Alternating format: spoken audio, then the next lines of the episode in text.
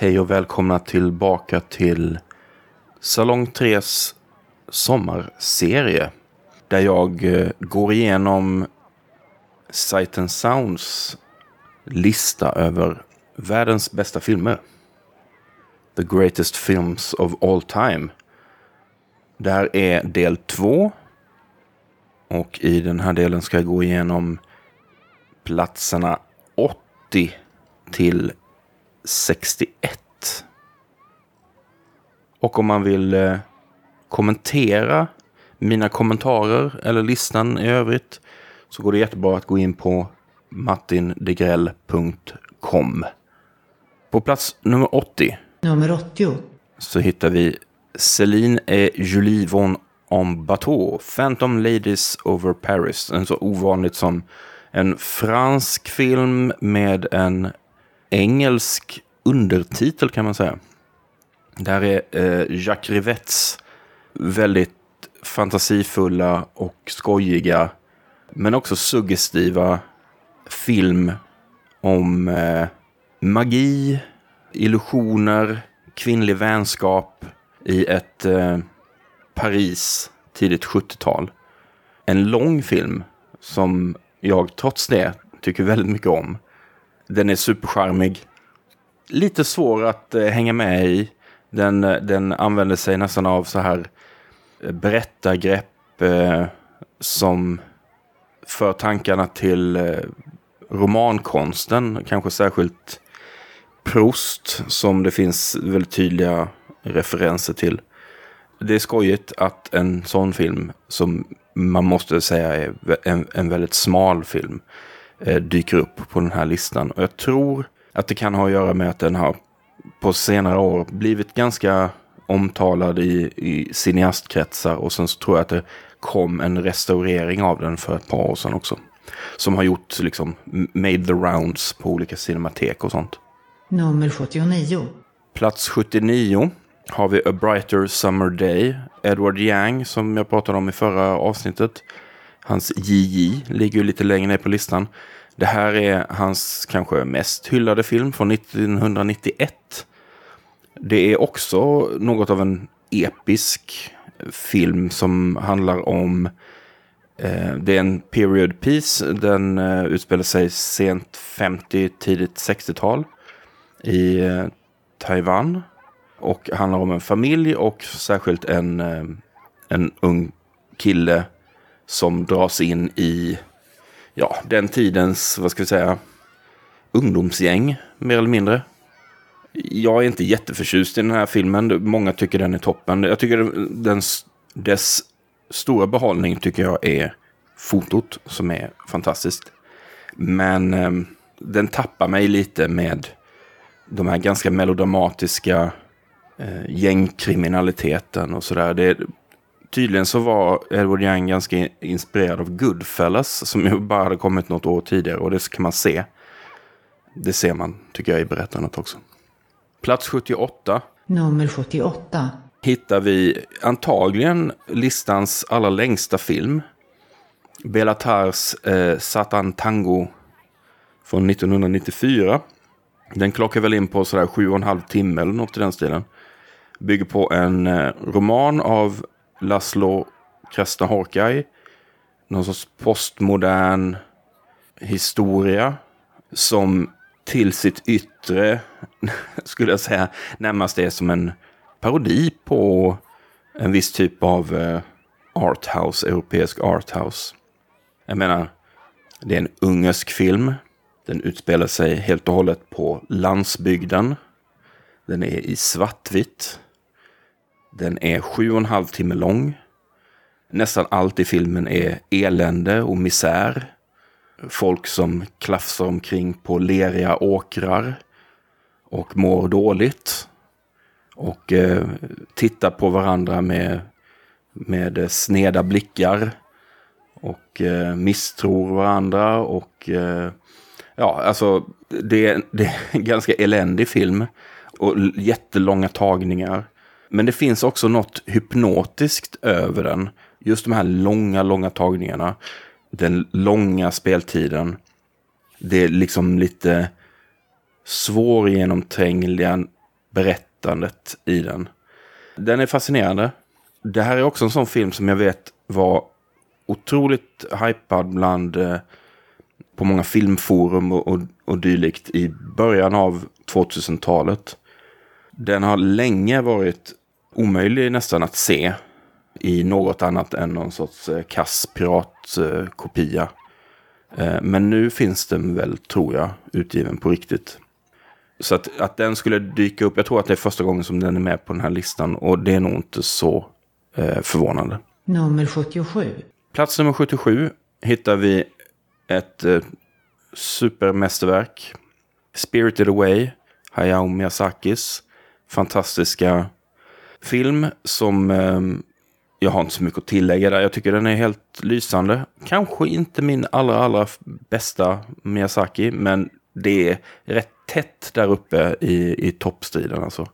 Vi har en till här på den här listan som kommer bara om några placeringar. Nummer 76. Plats 76. Där återkommer vi till eh, eh, Mitsuguchi. Som jag pratade om förra avsnittet. Sancho the Bailiff. Eller Sancho Dayu.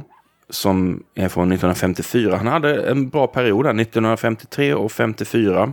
53 så kom han ju med Ugetsu. Och 54 så kom han med eh, den här Sancho. Och eh, bägge två gjorde stort eh, intryck eh, i Cannes. Och jag tror precis som med Ugetsu så tror jag att hans glansdagar är lite grann över och jag tror att de är på väg bort från listan, bägge de här filmerna. Det här, Sancho the Bailiff är typiskt värdigt historiskt drama som utspelar sig under Japans medeltid. Men det är lustigt med de här, och det här är ju lite så här kulturellt okänsligt kanske, men för en utomstående betraktare så, så känns det som att många av de här filmerna som utspelar sig på typ Japans medeltid, de skulle kunna äga rum lika mycket på 1100-talet som 1700-talet. Det ser nästan likadant ut. Det, det är liksom en, på många sätt en stillastående tid. Det är en ganska drabbande historia. Det är en familj som slits itu på grund av oroligheter. Det är tragedi på tragedi på tragedi med barnslaveri, människohandel och så vidare. Ganska bra, men jag, jag föredrar nog Ugetsu om jag får välja mellan de här två. Nummer 75. Eh, nummer 75 eh, hittar vi eh, Douglas Sirk. Hans eh, Imitation of Life från 1959. Det är hans sista film i Hollywood. Det här är en historia som filmatiserades redan 1934 och handlar om eh, framförallt så här eh, rasism och, och, men också klassamhället med Lana Turner i huvudrollen. Som flera andra av Sirks filmer så kritiserades den som såpopera när den kom. Mycket på grund av hans så här, väldigt flyhänta, smidiga, snygga, technicolor-indränkta foto och, och, scenografi. Men jag tror att precis som så många andra av hans filmer så har den återupptäckts och liksom hela hans karriär har ju fått en otrolig återuppskattning eh, under senare år. Det är kanske inte är min favorit av hans filmer men det är skojigt att den är med på, på listan tycker jag. Nummer 74. 74 har vi en, eh, en riktig klassiker från Antonioni. Nämligen La Ventura från 1960. Jag är ganska förtjust i den. Jag är väl lite sådär agnostisk vad gäller Antonioni. Men La Ventura tycker jag är väldigt fin. Om man kalibrerar sig och hamnar på rätt eh, frekvens så att säga som den. Existentialistiskt eh, drama kan man väl säga. Med Monica Vitti som letar och letar efter någon försvunnen person på någon eh, ö där i Italien. Det verkar också som att Antonioni är också en sån här person. Han, han är inte riktigt i ropet längre, känner jag. Det är möjligt att jag har fel, men eh, vi får se om det dyker upp några fler filmer av honom på listan. Jag tror nästan inte det. Laventura är ju den som är mest... Den är ganska lätt lättillgänglig får man väl ändå säga jämfört med flera av hans andra filmer. Men det känns inte som att hans, han, det är inte riktigt hans tid just nu. Kanske vi får se om han hinner få en, eh, en någon sorts eh, revival inför nästa, inför nästa röstomgång om tio år. Vi får se. Nummer 73. Plats 73 så har vi ytterligare en film som utspelar sig i mycket på en ö eller öar i Italien. Det är nämligen Viaggio in Italia, Resa till Italien. Som är den tredje eh, samarbetet mellan Ingrid Bergman och Roberto Rossellini. Som vid det här laget var ett eh, par. Efter att under skandalliknande former lämnat sina tidigare partners för varandra.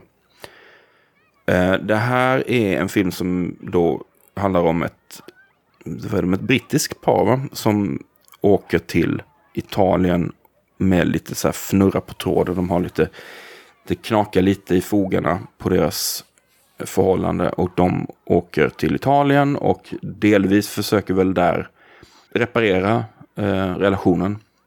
Jag minns den som bra. Jag har inte sett den på ganska länge. Jag har nog bara sett den en gång. Det är väl den bästa av deras filmer tillsammans tror jag. Nummer 72. Plats 72, där hittar vi nästa Miyazaki.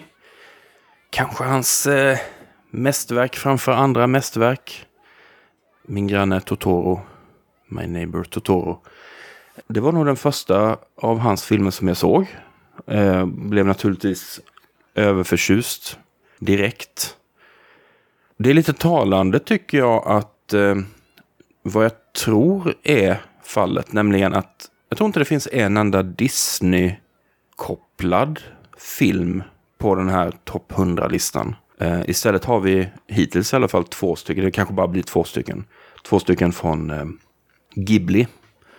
Det säger någonting också. Jag tror att innan har det åtminstone funnits med typ eh, Fantasia eller, eller något sånt från Disney. Men nu är det ingenting tror jag.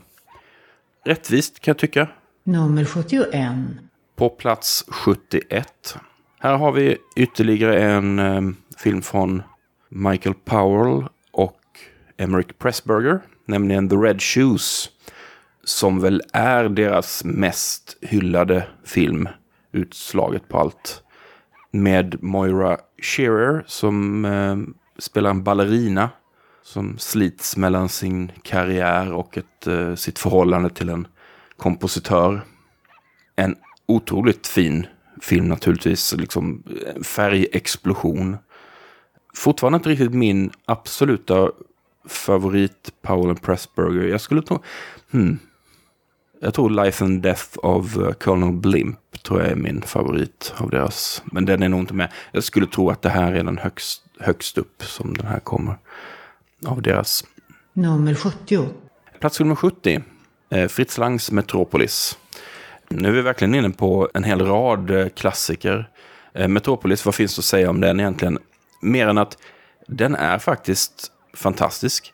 Det finns ju en hel del så kallade klassiker som man lite pliktskyldigt sådär betar av för att ha sett dem. För att markera liksom att, men visst, nu har jag sett den. Okej, okay, kanske bra för sin tid, men whatever. Men Metropolis är verkligen en sån här visionär film som man knappt fattar att den kunde göras när den gjordes, det vill säga 1927. En otrolig film. Den, den finns ju i en massa olika varianter numera. Eh, jag vet inte vilken som är liksom den, den mest eh, autentiska eller godkända.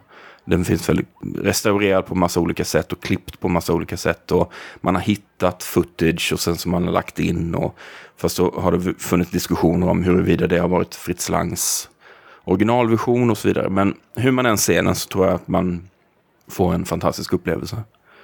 Samma fantastiska upplevelse fick jag inte av Nummer 69. Nummer 69s Andrei Rublev. Tarkovskis oerhört sega historiska drama från 1966. Den gav mig nästan ingenting. Det finns lite så här eh, naturligtvis imponerande set pieces och sådär. Men när det gäller Tarkovsky så är jag betydligt mer intresserad av hans senare grejer. Stalker och eh, Solaris och ja, för den delen eh, Mirror som väl finns med lite längre på, på listan tror jag. Men Andrei Rublev tycker jag är rätt så tradig. En betydligt eh, kortare film hittar vi på plats 68. Nummer 68. Är det här vår första kortfilm? Kanske det. La Jetée från 1962 av eh, Chris Marquet. Eller Chris Marker. Eller som han egentligen hette, typ eh, Christian Hippolyte François Georges Bush Villeneuve. Den är i alla fall den, den franska filmaren. Och det här är väl hans mest inflytelserika och mest hyllade verk. Det är ganska häftigt att en sån kort, den är väl ja, 28 minuter, den. en sån kortfilm som nästan helt och hållet består av fotografier, alltså stilla fotografier.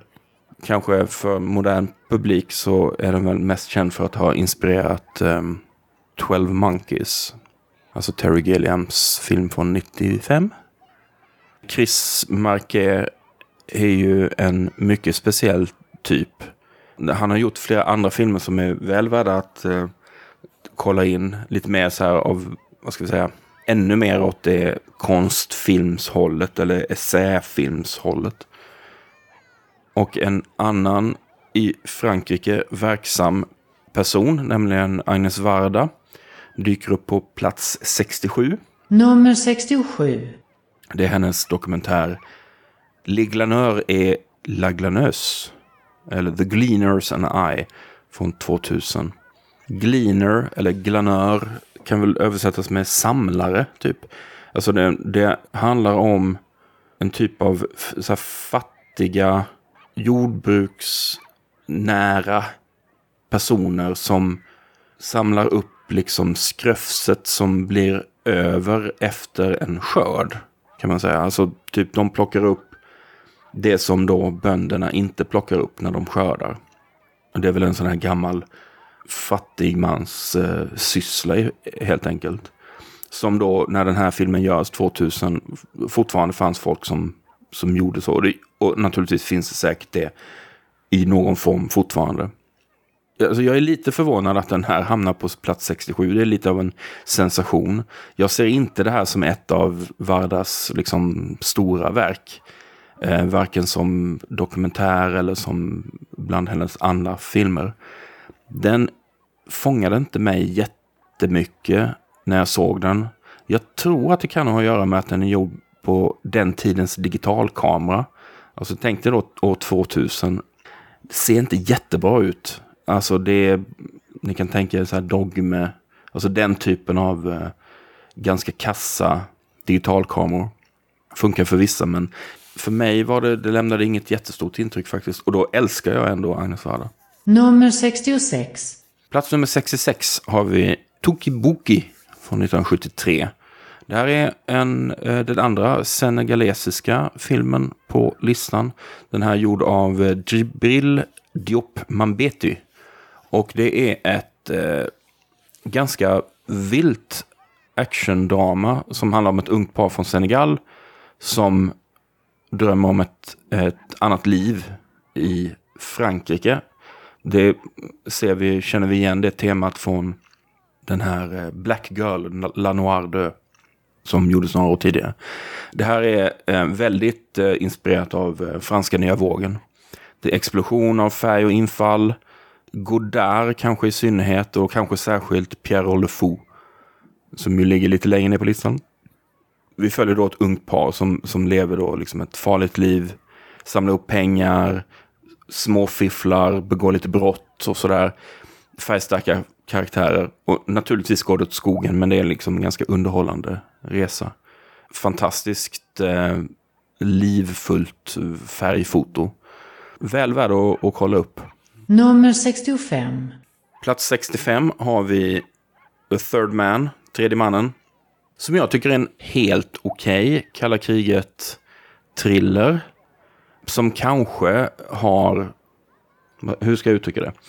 Jag tror kanske att eh, den kan inte riktigt leva upp till sitt eget rykte. Något som jag tror drabbar en del andra filmer på den här listan också. Vi kommer snart in på en. Det är en alldeles utmärkt film naturligtvis. Men frågan är om det, om det har varit bra eller dåligt för den att så entydigt hyllas som inte bara ett mästerverk utan en, en otroligt viktig, stor film som liksom hör hemma i bland de finaste i filmhistorien. Jag tycker inte det, liksom, den har riktigt den karaktären. Jag kan inte riktigt säga, jag kan, låter undflyende här, men Nummer 64. plats 64, Goodfellas, Maffiabröder, Martin Scorseses gangster-epos från 1990. Jag minns mycket väl när jag såg den första gången. Den såg jag i källaren hemma hos mina föräldrar där jag växte upp.